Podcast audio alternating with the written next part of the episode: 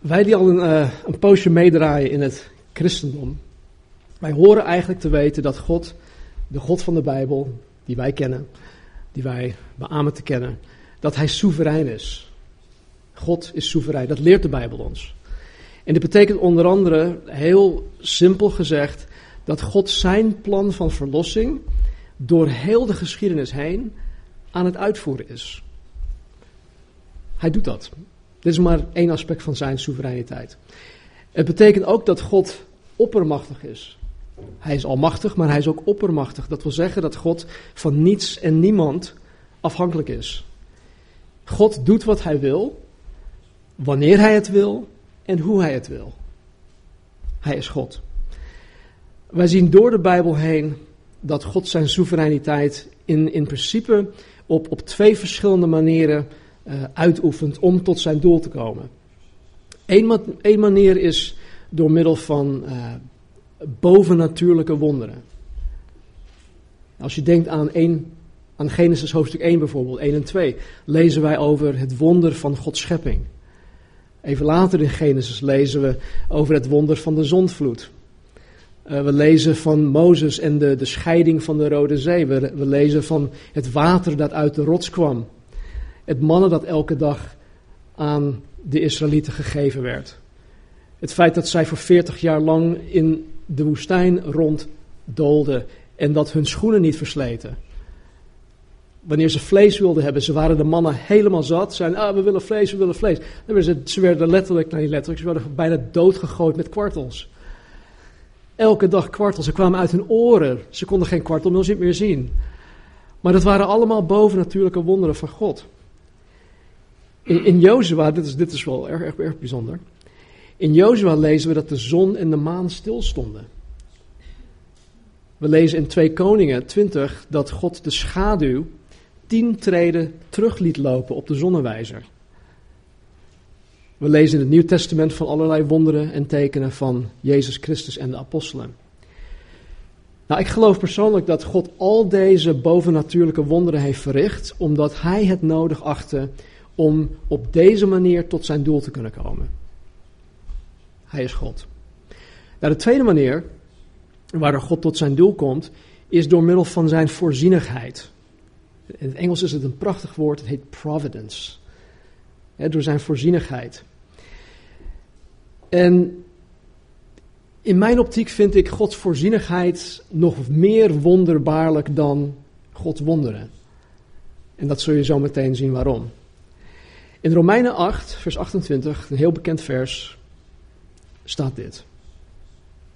Wij weten dat voor hen die God liefhebben, het is heel specifiek, we, specifiek, we weten dat voor hen die God liefhebben, alle dingen meewerken ten goede. Voor hen, voor hen namelijk die overeenkomstig zijn voornemen geroepen zijn. Dus voor een heel specifiek groepje, mensen die God liefhebben, alle dingen meewerken ten goede. Dus alle dingen. En niet alleen de leuke dingen.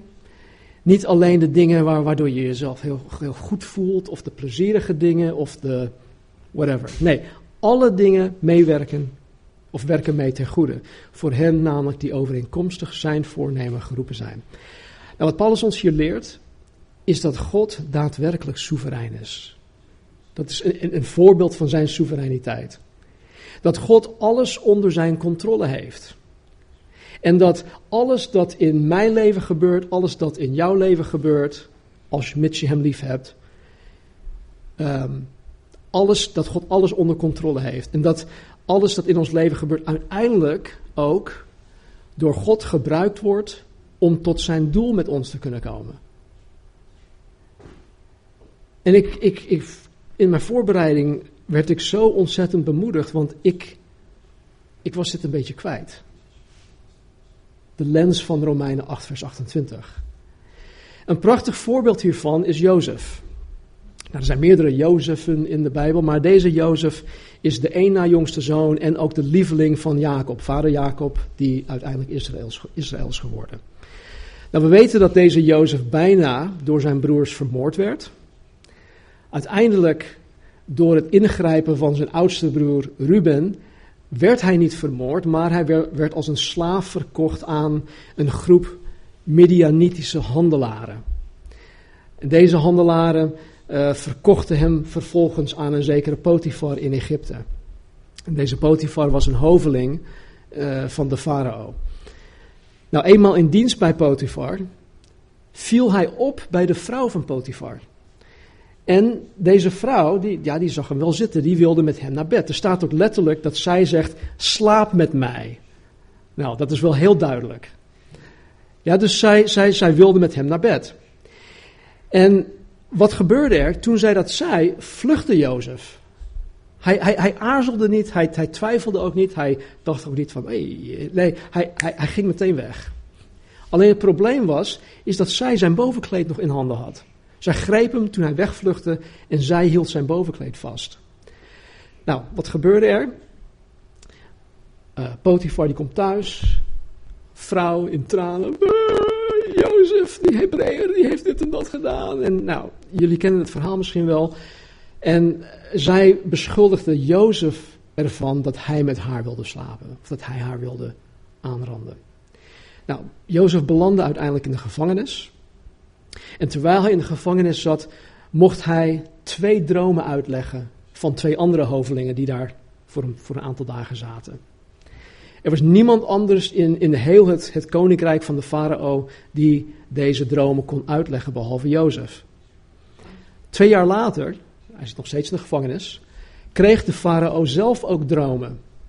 En ook deze keer was Jozef de enige in heel het koninkrijk van de farao die de dromen kon uitleggen.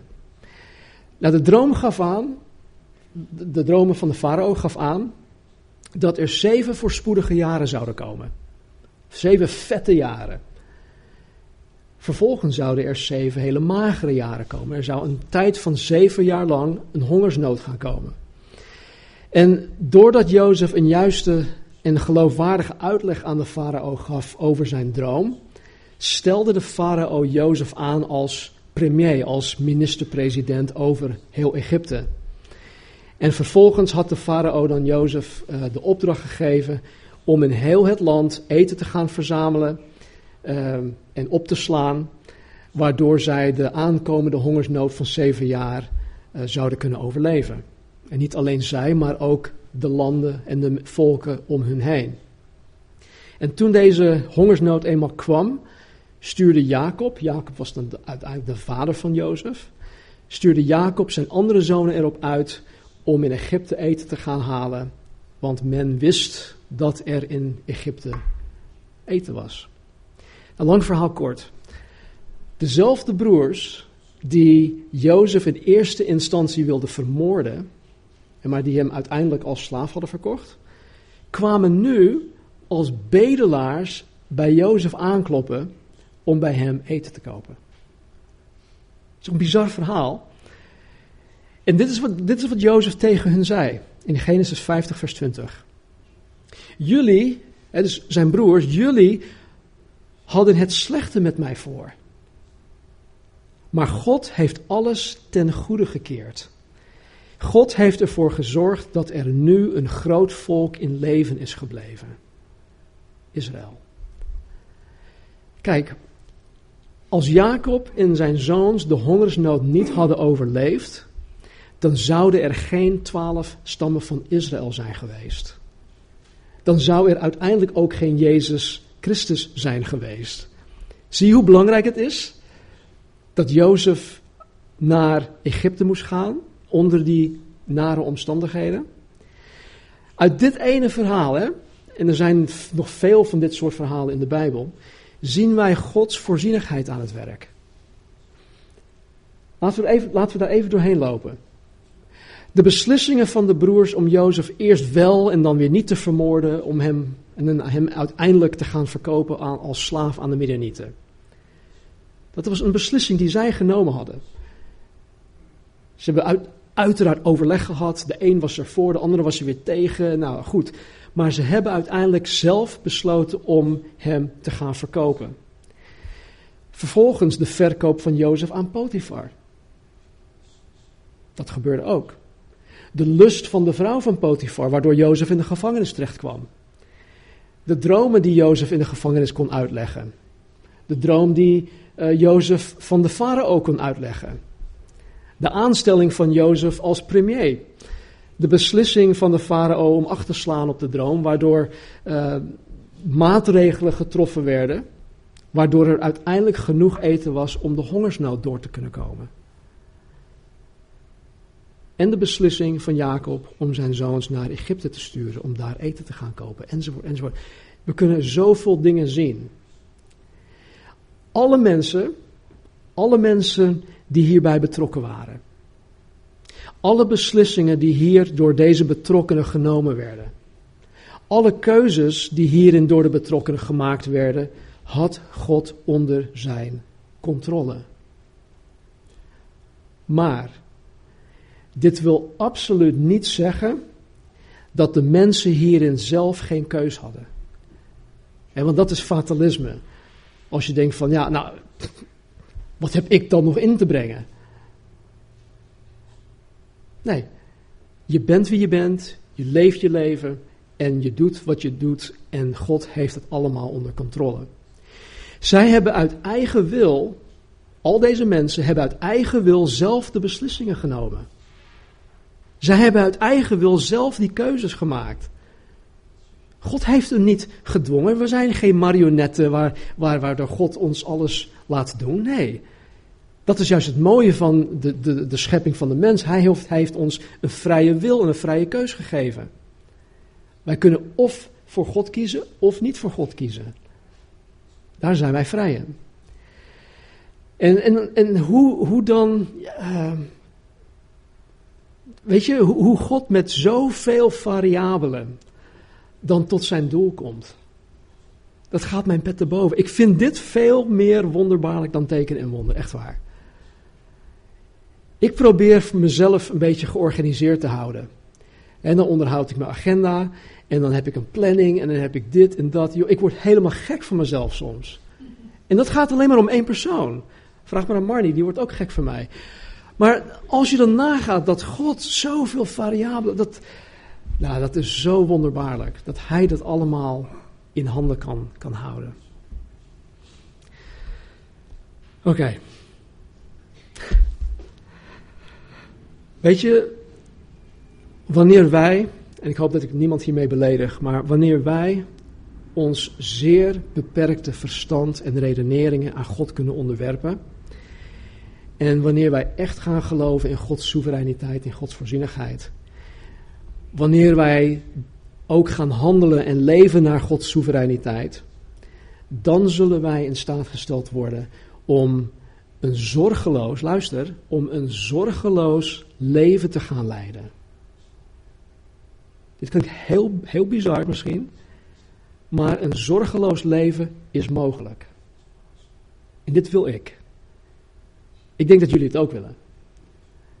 Je zou gek zijn als je dat niet zou willen. Maar ik wil dit. Ik wil een zorgeloos leven leiden. En nogmaals, in Romeinen 8, vers 28 staat dit. En wij weten dat voor hen die God lief hebben, dus ik moet God eerst lief hebben, alle dingen meewerken ten goede voor hen die namelijk die over, die, voor hen namelijk die overeenkomstig zijn voornemen geroepen zijn. Dus als ik geroepen ben door Gods voornemen, als ik God lief heb, dan weet ik, dan heb ik de, heb ik de zekerheid dat alle dingen meewerken ten goede. Ja, hou die even vast. Ik moet deze waarheid, ik moet dit echt tot mij door laten dringen. Dit moet voor mij met nog zoveel dingen in mijn leven een realiteit gaan worden. Begrijp me niet verkeerd. Er zijn veel dingen, veel zaken in mijn leven die ik door Gods genade, door de bril van Romeinen 8:28 kan zien of mag zien. Maar nog lang niet alles. Nog lang niet alles. En mijn, mijn hartsverlangen, het is nu 20 december, 1 januari zit eraan te komen. Eh, mijn verlangen, mijn doel voor 1 januari of voor 2016 is dat steeds meer dingen in mijn leven, steeds meer zaken, steeds meer omstandigheden in mijn leven onderworpen zullen gaan worden aan de God die alle dingen doet meewerken ten goede.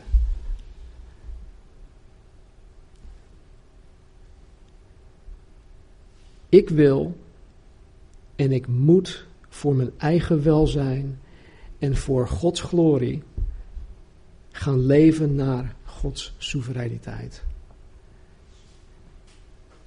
Ik wil volledig in de waarheid van de volgende Bijbelversen gaan wandelen. Ik zal ze voorlezen. 1 Petrus 5, vers 7.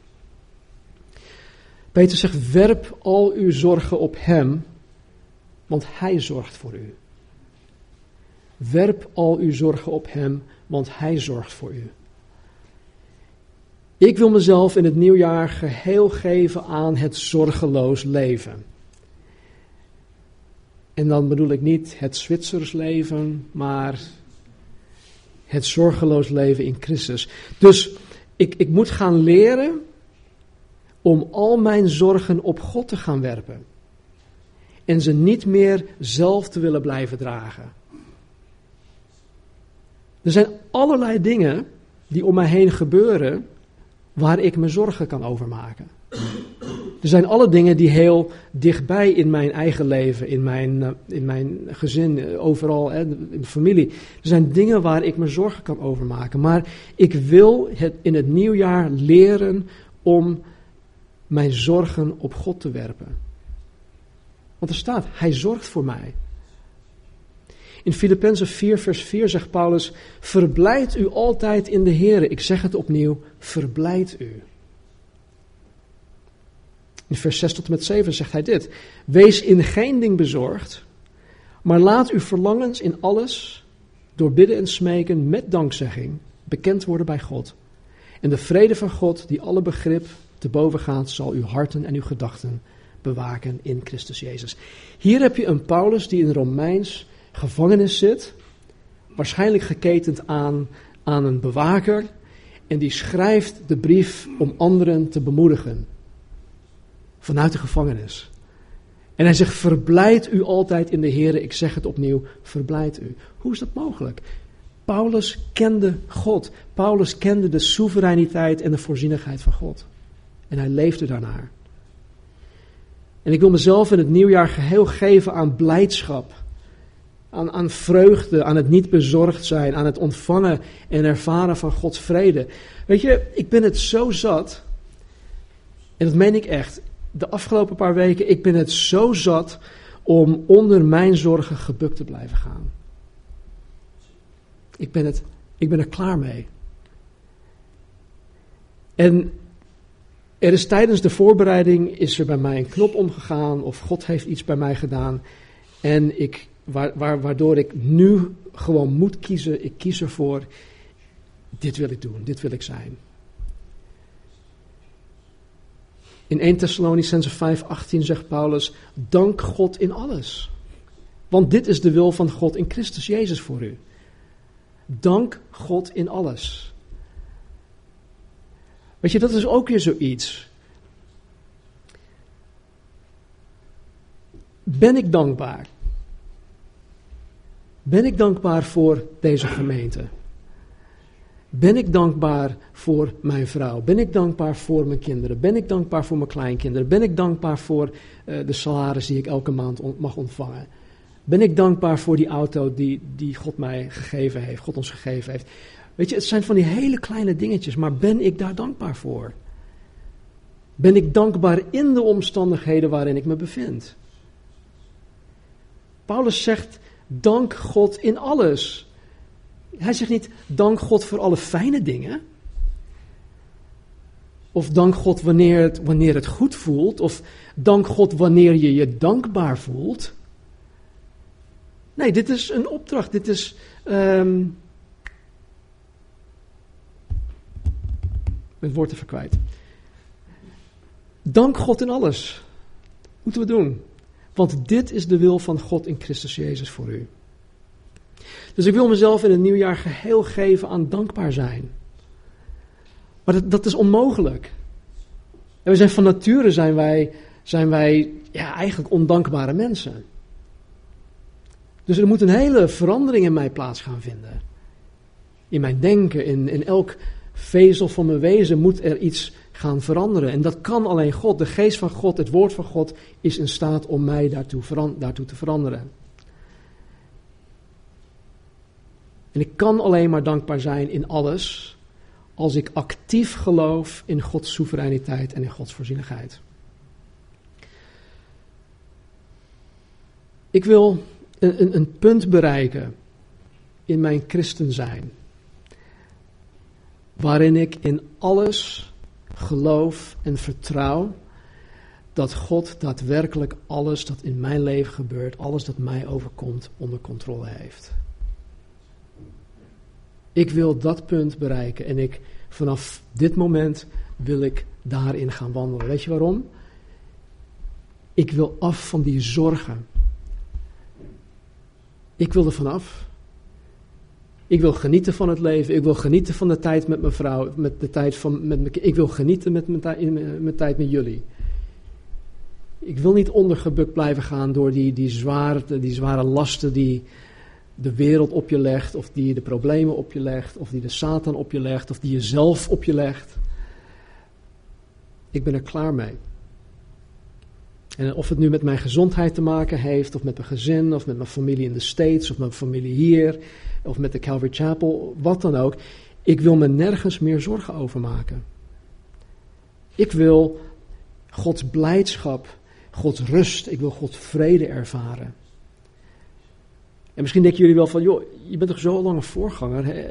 Wat, is, wat is er met jou dan? Wat heb jij?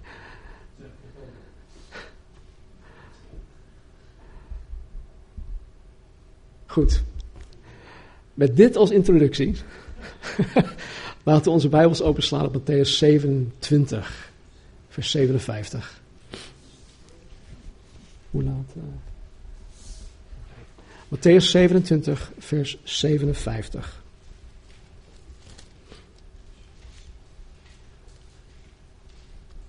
Toen het avond geworden was, kwam er een rijke man van Arimathea, van wie de naam Jozef was, en die ook zelf een discipel van Jezus was.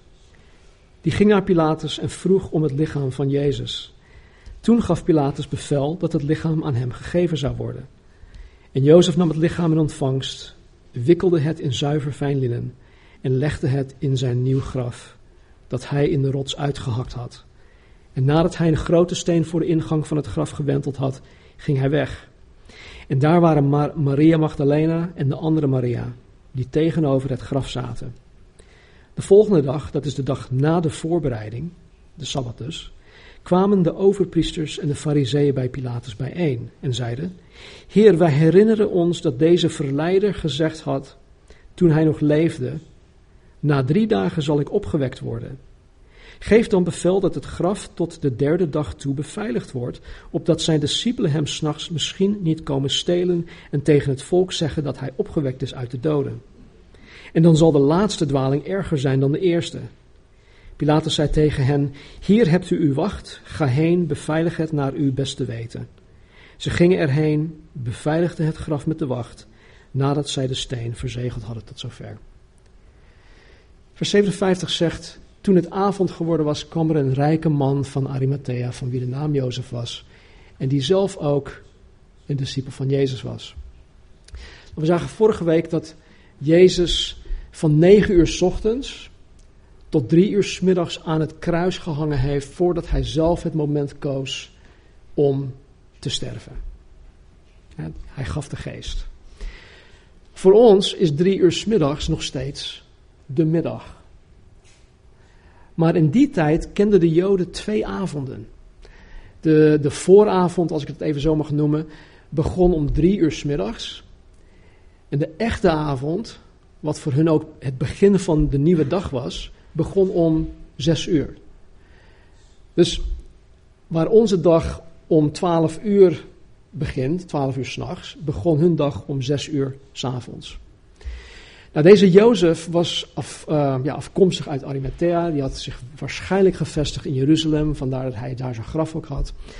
En wat volgens Lucas, uh, deze Arimathea, het, was een, een Joodse stad weet niet precies waar het is. Uh, er zijn wel verschillende meningen daarover, maar goed. Matthäus geeft aan dat hij een discipel van Jezus was. Volgens Marcus en Lucas verwachtte deze Jozef het koninkrijk van God. Dat wil zeggen dat hij in het Oude Testament geloofde. Hij geloofde alle oud-testamentische profetieën over de aankomende Messias.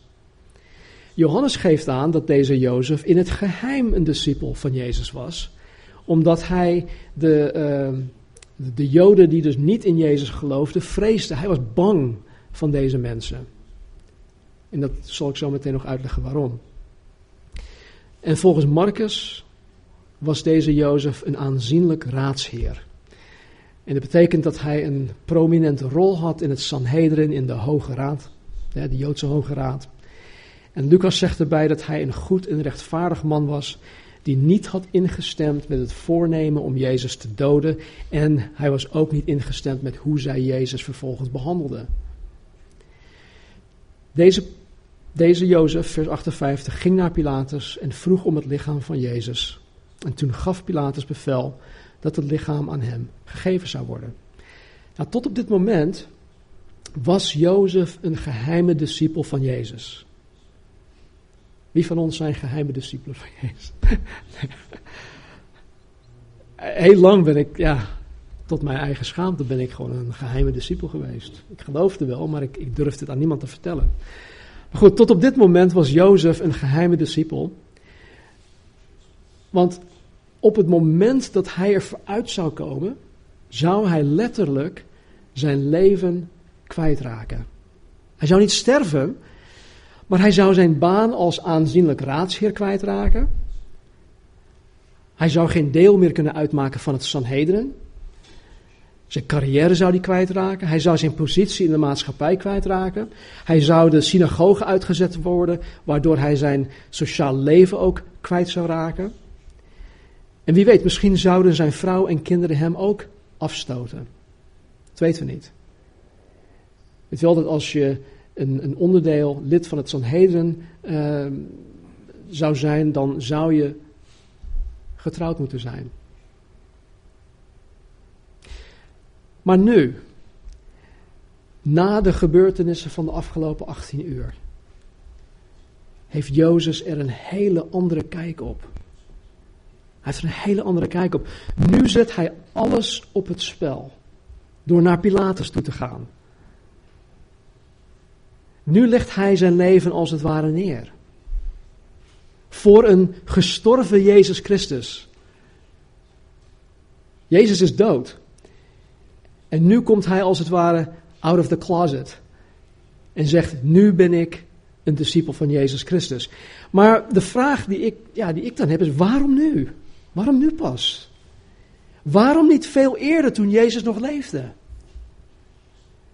Ik geloof dat Jozef zichzelf niet geheel aan Jezus wilde toewijden toen Jezus nog leefde, omdat hij toen nog een keus had. Dat klinkt misschien raar, maar probeer maar even te volgen hierin. Toen Jezus nog leefde, had Jozef zelf nog zijn eigen leven. Zijn eigen positie, zijn aanzien, rijkdom en dergelijke. Mocht Jezus toen hij nog leefde misschien niet de Messias zijn geweest, dan had hij nog altijd zichzelf waar hij op terug kon vallen. En wat stel je voor, wat een risico hij, zou, hij genomen zou hebben als hij ervoor uitkwam dat hij een discipel van Jezus was, maar oh by the way, Jezus was toch niet de Messias. Dan was hij alles kwijtgeraakt, maar dan ook echt alles en geen hoop op een Messias. Maar nu, na al deze gebeurtenissen, was er in zijn eigen beleving geen enkele twijfel mogelijk over wie Jezus was. Ik geloof dat Jozef er 100% van overtuigd was dat Jezus de Messias was. En door zijn overtuiging was hij ertoe bereid om voor Jezus alles, maar dan ook echt alles overboord te gooien. En dit voor een gestorven Jezus. Ja? Een gestorven Jezus. Ik zie dit verschijnsel, of dit fenomeen vandaag de dag nog steeds in de kerk. In de kerk in het algemeen, maar ik zie het ook hier in de kerk. Zolang christenen nog steeds een keus hebben om voor zichzelf te kunnen blijven leven, dan houden zij Jezus op een dusdanige afstand zodat er genoeg ruimte is tussen hun en Jezus in, om aan Jezus te kunnen blijven twijfelen. Is het volgen? Zolang een christen nog steeds de keus heeft om voor zichzelf te kunnen blijven leven, dan hou je Jezus op een dusdanige afstand, zodat er genoeg ruimte tussen jou en Jezus in staat om aan Jezus te kunnen blijven twijfelen. Blijf bij de les. Want zolang je aan Jezus kan blijven twijfelen, ja, zolang je aan Jezus kan blijven twijfelen, hoef je jezelf voor je gevoel en voor je eigen gemoedstoestand, hoef je jezelf niet aan Hem toe te wijden. Als je aan Jezus blijft twijfelen, dan hoef je je niet aan Hem toe te wijden. Want waarom zou je? Waarom zou ik mezelf geheel toewijden aan, aan iemand waar, waar ik mijn twijfels over heb? Dus zolang je aan Jezus kan blijven twijfelen, is Jezus in jouw beleving, jouw toewijding, niet waard. Ja, is dat, volg, volgen jullie dit? En de vraag is dan, er is, er is heel wat bij Jozef gebeurd, er is heel wat bij Nicodemus gebeurd, die andere, de fariseer. En de vraag is, wat moet er bij jou gebeuren om jou zo ver te krijgen, dat je net zoals Jozef er voor 100% van overtuigd zal zijn dat Jezus is wie hij beweert te zijn. Pas als je echt weet wie Jezus Christus is, zal je ertoe bereid zijn om alles in jouw leven overboord te gooien. En zolang je Jezus niet ziet voor wie hij is, zal je altijd die afstand tussen jou en Jezus behouden. En dat is een wilskeuze. Daar heeft God niks mee te maken. Nee, die, die keuze is juist aan ons. Jozef waagde het naar Pilatus te gaan, omdat hij tot het punt gekomen was dat hij inzag dat hij niets meer te verliezen had en hij had alles te winnen. Nou, normaliter lieten de Romeinen de lichamen van de gekruisigden aan het kruis hangen totdat er helemaal niks meer van over was. En dat is dan wegens ontbinding, vooral in die warmere temperaturen, maar ook wegens roofdieren en roofvogels die de lichamen gewoon opaten. We zien vanuit beelden dat Jezus heel hoog aan het kruis hing, maar heel gebruikelijk was dat hun voeten misschien nog geen 30 centimeter van de grond af, af waren. Je hoefde niet 10 meter van, van de grond af te hangen. Als je maar hing. En ja, dan, dan, dan kwamen er honden, er kwamen er, er alle ja, wilde honden, maar ook andere dieren die je dan gingen opeten. Maar hier zien wij uh, dat, dat Jozef, ja, uiteraard vanwege zijn hoogstaande positie in het Sanhedrin, toestemming van Pilatus kreeg om het lichaam van Jezus te krijgen en te begraven. Vers 59. En Jozef nam het lichaam in ontvangst, wikkelde het in zuiver fijn linnen, legde het in zijn nieuwe graf dat hij in de rots uitgehakt had. En nadat hij een grote steen voor de ingang van het graf gewenteld had, ging hij weg. Nou, even terug in vers 57 zegt Matthäus dat Jozef een rijke man was. Dit is een heel belangrijk detail. Misschien denk je van ja, waarom nou weer? Hij was rijk. En het is een belangrijk detail, want in Jesaja 53:9 staat dat alhoewel de Messias een, een misdadigersgraf toegewezen zou krijgen, is hij uiteindelijk begraven bij de rijken. Als je als misdadiger gekruisigd werd, nou, dan lieten ze je daar gewoon hangen. In sommige gevallen haalde je er vanaf en je werd op de grote hoop gegooid. Onder andere, onder al die andere misdadigers. Maar er staat dus in Jesaja 53:9, dat werd al 700 jaar voor dit moment geprofeteerd, dat alhoewel de Messias een misdadigersgraf toegewezen zou krijgen, hij uiteindelijk begraven zou worden bij de rijken. En hier zien we inderdaad dat Jezus in het graf van een rijke man begraven wordt, want Jozef van Arimathea was een rijke man. Johannes vertelt ons in Johannes 19, vers 39 en 40 dit. En Nicodemus, die eerst s'nachts naar Jezus toegekomen was, kwam ook en bracht een mengsel van mirre en aloë mee. ongeveer 100 pond, 30 kilo. Goeiedag. Zij namen dan het lichaam van Jezus, wikkelden het in linnendoeken met de specerijen, zoals het de gewoonte van de Joden is bij het begraven. Nou, je moet je voorstellen, het is ergens tussen drie uur en zes uur. Jozef heeft dus weinig tijd om het lichaam van Jezus voor te bereiden en te begraven. Want Jezus moest per se voor zes uur begraven zijn, omdat de Sabbat om zes uur aan zou breken. Ja, dat is één.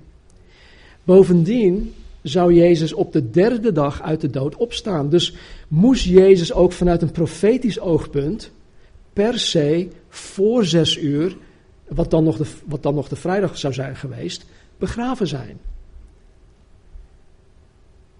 En hier zien wij dat Nicodemus, een, een, een een lid van het Sanhedrin, Jozef dus te hulp kwam. Het kan ook zijn dat er een aantal dienstknechten bij zaten, dat weten we niet. Wat wel heel erg bijzonder is, is de hoeveelheid zalf hij met zich meebracht. Hier staat 100 pond, hè, dat is 30 kilo. Tussen de 30 en 34 kilo ongeveer. En normaliter gebruikte men ongeveer 1 tiende daarvan, misschien zelfs minder. Nou, we weten het natuurlijk niet zeker. Maar het, het kan zijn dat Nicodemus, net zoals Jozef, alles overboord gooide. En dat deed hij ook om ervoor uit te komen dat hij in Jezus geloofde. En wellicht voelde Nicodemus dat hij iets bijzonders moest doen om het tussen aanhalingstekens het goed te maken. En want ook hij was een geheime discipel. Deze Nicodemus kwam s'nachts naar Jezus toe in Johannes hoofdstuk 3. En dan krijgen we dat heel mooi verhaal waarin Jezus zegt: Je moet wedergeboren zijn. En dat zei hij tegen een kerkleider. Jij, kerkleider, jij moet wedergeboren zijn. Jij moet wedergeboren worden. Nou, als iemand als, als Nicodemus wedergeboren moet zijn, uh, wie ben ik dan om dat niet te hoeven of te moeten? Er staat dat het graf nieuw was. Dat wil zeggen dat er nog niemand ooit in gelegen had en dat er op dat moment ook niemand in lag. Het was uit de, de rots uitgehakt. Het was dus waarschijnlijk een, een, een kleine kamer met meerdere plekken waarop de lichamen van gezinsleden uh, neergelegd konden worden. Jezus zou op de derde dag na zijn begrafenis uit de dood opstaan. Toch? Had hij tot meerdere malen gezegd. Als dit geen nieuw graf zou zijn geweest, met andere woorden, als er anderen in dit graf uh, zouden hebben gelegen, dan zou men zich nog kunnen afvragen wie op de derde dag uit het graf gekomen was. Maar omdat het een nieuw graf was, was er geen mogelijkheid tot twijfel. Er zat er maar één, één persoon in en het was Jezus. Het kon niemand anders zijn. En eenmaal in het graf neergelegd, neergelegd, werd er een grote ronde steen voor de ingang van het graf gerold om het graf af te sluiten. Meestal, om het makkelijker te maken, werd zo'n steen op een, op een afloop op zijn plaats gerold. Hè, dat rolde gewoon een beetje, een beetje naar beneden toe. Maar eenmaal op, op zijn plaats zou je met meerdere hele sterke mannen die, die, die steen terug rollen. Het, het was onmogelijk om dat met één of twee man te doen. Gemiddeld woog zo'n steen meer dan een ton. Duizend kilo. Dat doe je niet maar zomaar even. Dus het is hun gelukt om Jezus voor zes uur te begraven. En nu vertrekken Jozef en Nicodemus, vers 61. En daar waren Maria Magdalena en de andere Maria die tegenover het graf zaten. Nou, vers uh, eh, 56, denk ik, zagen we dat deze twee vrouwen er de hele tijd bij waren toen Jezus gekruisigd werd. En nu zien we hun tegenover het graf, graf zitten. Ik denk dat zij gewoon de hele tijd erbij zijn gebleven.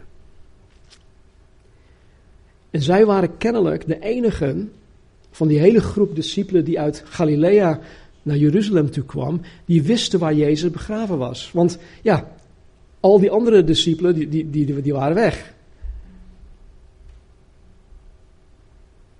Ze schuilden achter gesloten deuren. En dit is echt een belangrijk detail, want in hoofdstuk 28 zien wij hun op de derde dag naar het graf toe gaan. En dit is niet zomaar een detail die, die Matthäus hier aan ons geeft. Het is heel bijzonder, maar goed, daar komen we volgende week op terug. Vers 62. De volgende dag, dat is de dag na de voorbereiding, met andere woorden de Sabbatdag, kwamen de overpriesters en de fariseeën bij Pilatus bijeen. En ze zeiden, Heer, wij herinneren ons dat deze verleider gezegd heeft toen hij nog leefde, na drie dagen zal ik opgewekt worden. Nou, even een paar opmerkingen hierover. Ten eerste was het de Sabbat. En volgens hun eigen overbodig strenge Sabbatregels zouden zij zelf überhaupt niet eens naar Pilatus toe mogen gaan. Daarnaast was het ook nog eens Pesach, het paasfeest. Dus het was dubbel niet toegestaan om naar Pilatus toe te mogen gaan. En hierin zien wij alweer de huichelarij van deze leiders. Ten tweede, de overpriesters en de fariseeën zouden eigenlijk nooit iets samen doen. Je zou ze nooit in dezelfde kroeg zien. Waarom niet? Omdat zij, zij, zij stonden ehm, politiek en filosofisch recht tegenover elkaar. Ze wilden niks met elkaar te maken hebben. Dat is nog erger dan de Republikeinen en de Democraten in de VS. Zo erg was dat. Maar wegens hun gemeenschappelijke haat voor Jezus zien wij hun hier onder één hoedje met elkaar spelen. Ten derde zien wij hoe beleefd en respectvol zij Pilatus benaderen. O Heer. Tegelijkertijd zien wij hoe minachtend en verachtend zij over Jezus spreken. Ze, ze hebben het over deze verleider. Ze noemen, ze noemen hem niet eens bij zijn naam. Nee, ze zeggen deze verleider. Maar het meest opmerkelijke in deze verse is dat zij zich herinneren dat Jezus gezegd heeft dat hij op de derde dag uit de dood zou opstaan. Ik vind het heel frappant trouwens dat deze vijanden van Jezus zich wel herinneren dat Jezus gezegd heeft dat hij uit de derde dag uit de dood zou opstaan, maar de discipelen dus niet. Het ging hierin en hier weer uit. Ze waren Oosten, die is doof. Ze wilden het niet geloven. En daarom smeerden ze hem. Ze, ze, ze renden allemaal weg. Ze geloofden er niet in. Even later, na de opstanding in, in, in Lucas 22, meen ik, zien we twee discipelen, de Emmausgangers. En die, die waren helemaal verslagen. Die gingen weer terug vanuit Jeruzalem naar Emmaus toe. En ineens voegde Jezus zich toe bij dat gesprek. Waarom zijn jullie zo depressief? Nou ja, we hadden al onze hoop op deze ene Jezus gesteld. Maar ja, hij is uh, gestorven, gekruisigd. En ja, hij zou op de derde dag opstaan. Maar ja, het is nu al de derde dag. En uh, ja. De discipelen, die, die, ze geloofden niet. Maar goed, deze fariseeën en deze overpriesters zeiden dit niet omdat zij in de opstanding van Jezus geloofden. Nee, zij wilden iets voorkomen. Vers 64. Geef dan bevel dat het graf tot de derde dag toe beveiligd wordt, opdat zijn discipelen hem s'nachts misschien niet komen stelen en tegen het volk gaan zeggen, hij is opgewekt uit de doden. Want dan zal de laatste dwaling erger zijn dan de eerste. Weet je, ik, ik vind het zo gemeen en zo gehaaid van deze overpriesters en, um, en fariseeën. Omdat zij zelf zo fout bezig zijn omdat zij zelf zo gehaaid zijn, denken ze meteen het allerergst van andere mensen. Is dat niet, is dat niet zo, dat, dat mensen dat ook doen? Het idee om het lichaam van Jezus uit het graf te stelen zou nooit in, het, in, in, in, in, in de discipelen opkomen. Waar waren zij? Ze zaten opgesloten ergens. Ze waren ergens verschuild, ze waren bang. Ze zouden nooit naar het graf toe zijn gegaan om het lichaam van Jezus te stelen. Dat idee zou nooit niet eens in opkomen. Maar hier zien wij dus dat wanneer mensen misleid worden, wanneer mensen bewogen worden door de Satan, dat zij anderen van alles gaan beschuldigen. Dat gebeurt vandaag de dag helaas ook. Nog steeds. Zelfs in de kerk. De eerste dwaling waar ze het over hebben is dat Jezus beweerde Messias te zijn. De laatste is natuurlijk dat Jezus uit de dood was opgestaan. Kijk, deze fariseeën en overpriesters wisten heel goed dat als het bekend werd dat Jezus opgestaan was, dat hij een veel groter invloed op het volk zou hebben dan toen hij nog leefde. En dat zien we ook. Na zijn opstanding. Vanaf Handelingen hoofdstuk 2 de uitstorting van de Heilige Geest. Kijk wat een invloed de opgestane Jezus heeft gehad op het volk, op ons. Het evangelie is 2000 jaar later tot mij gekomen. Wat een invloed heeft Jezus gehad, de opgestane Jezus. En zij wilden gewoon kosten wat kost voorkomen dat zij de greep op het volk niet kwijt zouden raken. De laatste versen. Pilatus zei tegen hen: hier hebt u een wacht. Ga heen. Beveilig het naar uw beste weten. Ze gingen erheen en beveiligden het graf met de wacht, nadat zij de steen verzegeld hadden. Nou, zo'n graf werd verzegeld door middel van een draad. tegenwoordig zien we dat, dat gele tape, politietape. Maar het werd verzegeld door middel van een, een, een draad. Een, een touw dat over de steen getrokken werd en dan aan de steen bevestigd werd door middel van een zegel. En zo'n zegel, dat was dan iets. Sorry.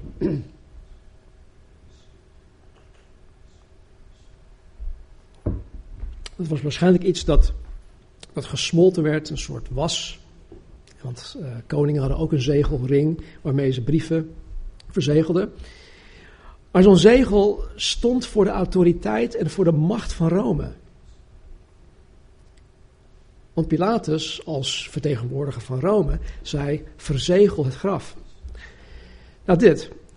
Als iemand de zegel zou verbreken, zou Rome met al haar macht achter de dader heen gaan. Zo, zo ehm, belangrijk was zo'n zegel van Rome, of zo belangrijk was zo'n verzegeld iets. En eenmaal aangehouden, zou de dader, luister, ondersteboven gekruisigd worden. Het was dus menens.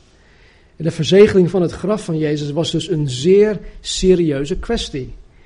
En niemand, zeker niet de discipelen, zouden het in, in hun hoofd halen om de zegel te verbreken.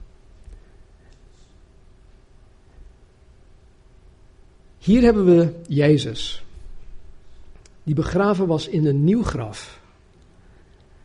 Het graf was afgesloten door een gigantische steen, die minstens een ton woog. Het graf werd bewaakt door de meest gedisciplineerde Romeinse strijders. En het graf werd nog eens door de macht van Rome zelf verzegeld. Ik vind dit zo mooi, hè? Ik vind dit zo mooi.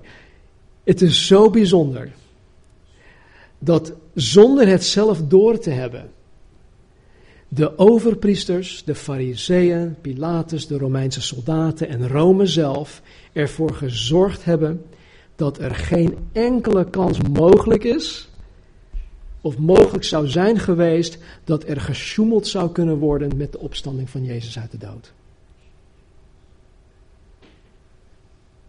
Zij, niet, niet niet de discipelen, niet, uh, niemand anders dan alleen zij, de vijanden van Jezus Christus. Zij hebben ervoor gezorgd dat er maar één manier mogelijk zou zijn geweest dat Jezus uit het graf zou kunnen komen.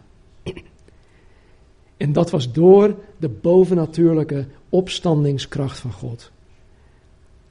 Alle andere mogelijkheden hadden zij door eigen toedoen geheel uitgesloten. Weet je wat dat is? Dat is Gods voorzienigheid. Is toch geweldig? Ik mag zo'n God kennen en dienen. Ik mag een persoonlijke relatie met deze God aangaan. Ik, kan een, ik mag een persoonlijke relatie met deze God onderhouden. Ik kan al mijn rotzooi bij deze God neerleggen, wetende dat Hij alles doet meewerken ten goede voor mij. Wat een geweldige God. Door alle betrokkenen in dit verhaal, door alle motivaties van al deze betrokkenen, door al de keuzes en al de beslissingen die door deze betrokkenen gemaakt zijn, heeft God door middel van zijn voorzienigheid hiervoor gezorgd. En ondanks al het onrecht, ondanks al het lijden, ondanks al het fouten dat Jezus aangedaan werd, ondanks dat de Satan hierachter schuilde,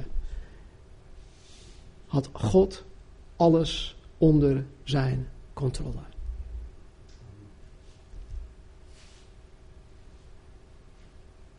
Ik weet niet hoe het bij jullie zit, maar ik wil vanaf dit moment geloven dat God alles in mijn leven onder controle heeft. Ik heb het nodig. Ik heb het echt nodig. Ik zou niet verder kunnen gaan zonder dat ik geloof dat God alles in mijn leven onder controle heeft. Ik wil vanaf dit moment zorgeloos gaan leven.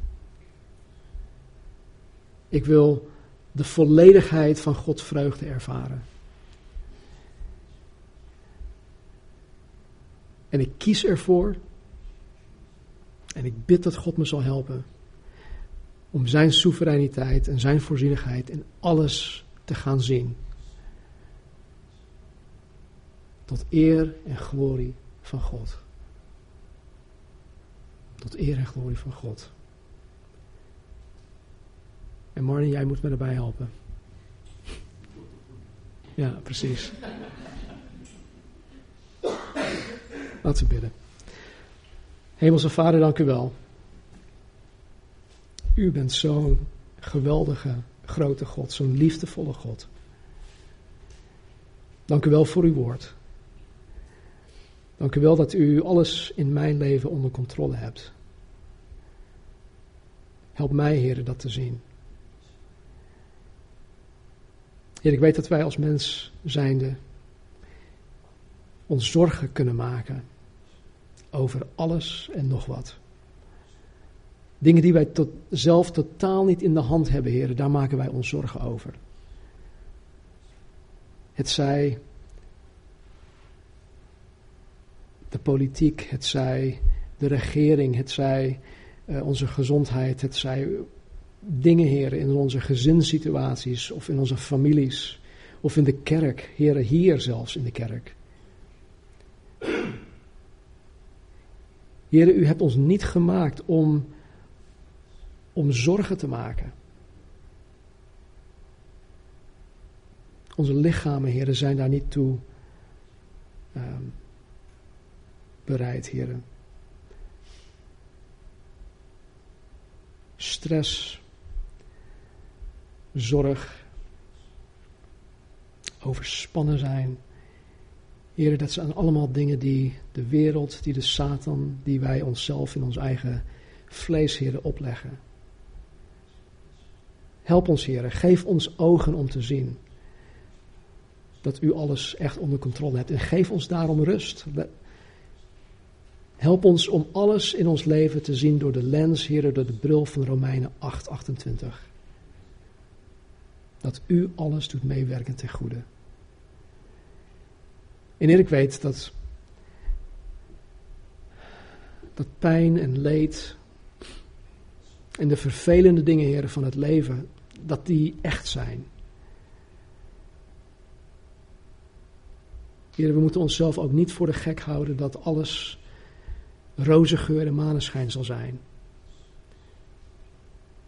Maar Heer, het feit dat u soeverein bent, het feit dat u in uw voorzienigheid, Heer, alles in mijn leven, in ons leven onder controle hebt. Heer, dat moet, ons, dat moet iets met ons doen. Gooi bij ieder van ons, Heer, die knop om. Geef ons moed, geef ons rust, geef ons vrede, geef ons blijdschap, geef ons vreugde. Alles wat u voor ons heeft. Laat ons niet langer beroofd zijn, heren, door onszelf, door de omstandigheden waarin wij zitten. Laten wij, laten wij niet meer beroofd zullen zijn, heren, door de Satan of door de wereld om ons heen. Maar help ons, heren, om te wandelen in uw overwinning. Ik zie uit naar volgende week, wanneer we Matthäus 28 openslaan. En dat we met die opstanding van Jezus Christus, heren, ook zelf in opstandingskracht, 2015 afsluiten en 2016 in zullen gaan. Dus help ons om deze week ook heel erg, heel erg bewust te zijn van de mensen om ons heen, heren. Mensen die het moeilijk hebben, mensen die eenzaam zijn, mensen die ziek zijn, mensen die ja, ellendig zijn. Heren, dat wij de geweldige boodschap van kerst, heren, met hun mogen en zullen delen. En niet alleen in woord, heren, maar vooral in daad. Dat we ons ook zullen ontfermen over de mensen die u, ons, die u op ons pad brengt. Dus geef ons kracht, geef ons uw liefde, uw genade. En help ons, heren, om u te verheerlijken. Ter ere en glorie van uw naam. In Jezus' naam bidden wij. Amen. Amen. Wauw. Even gaan staan.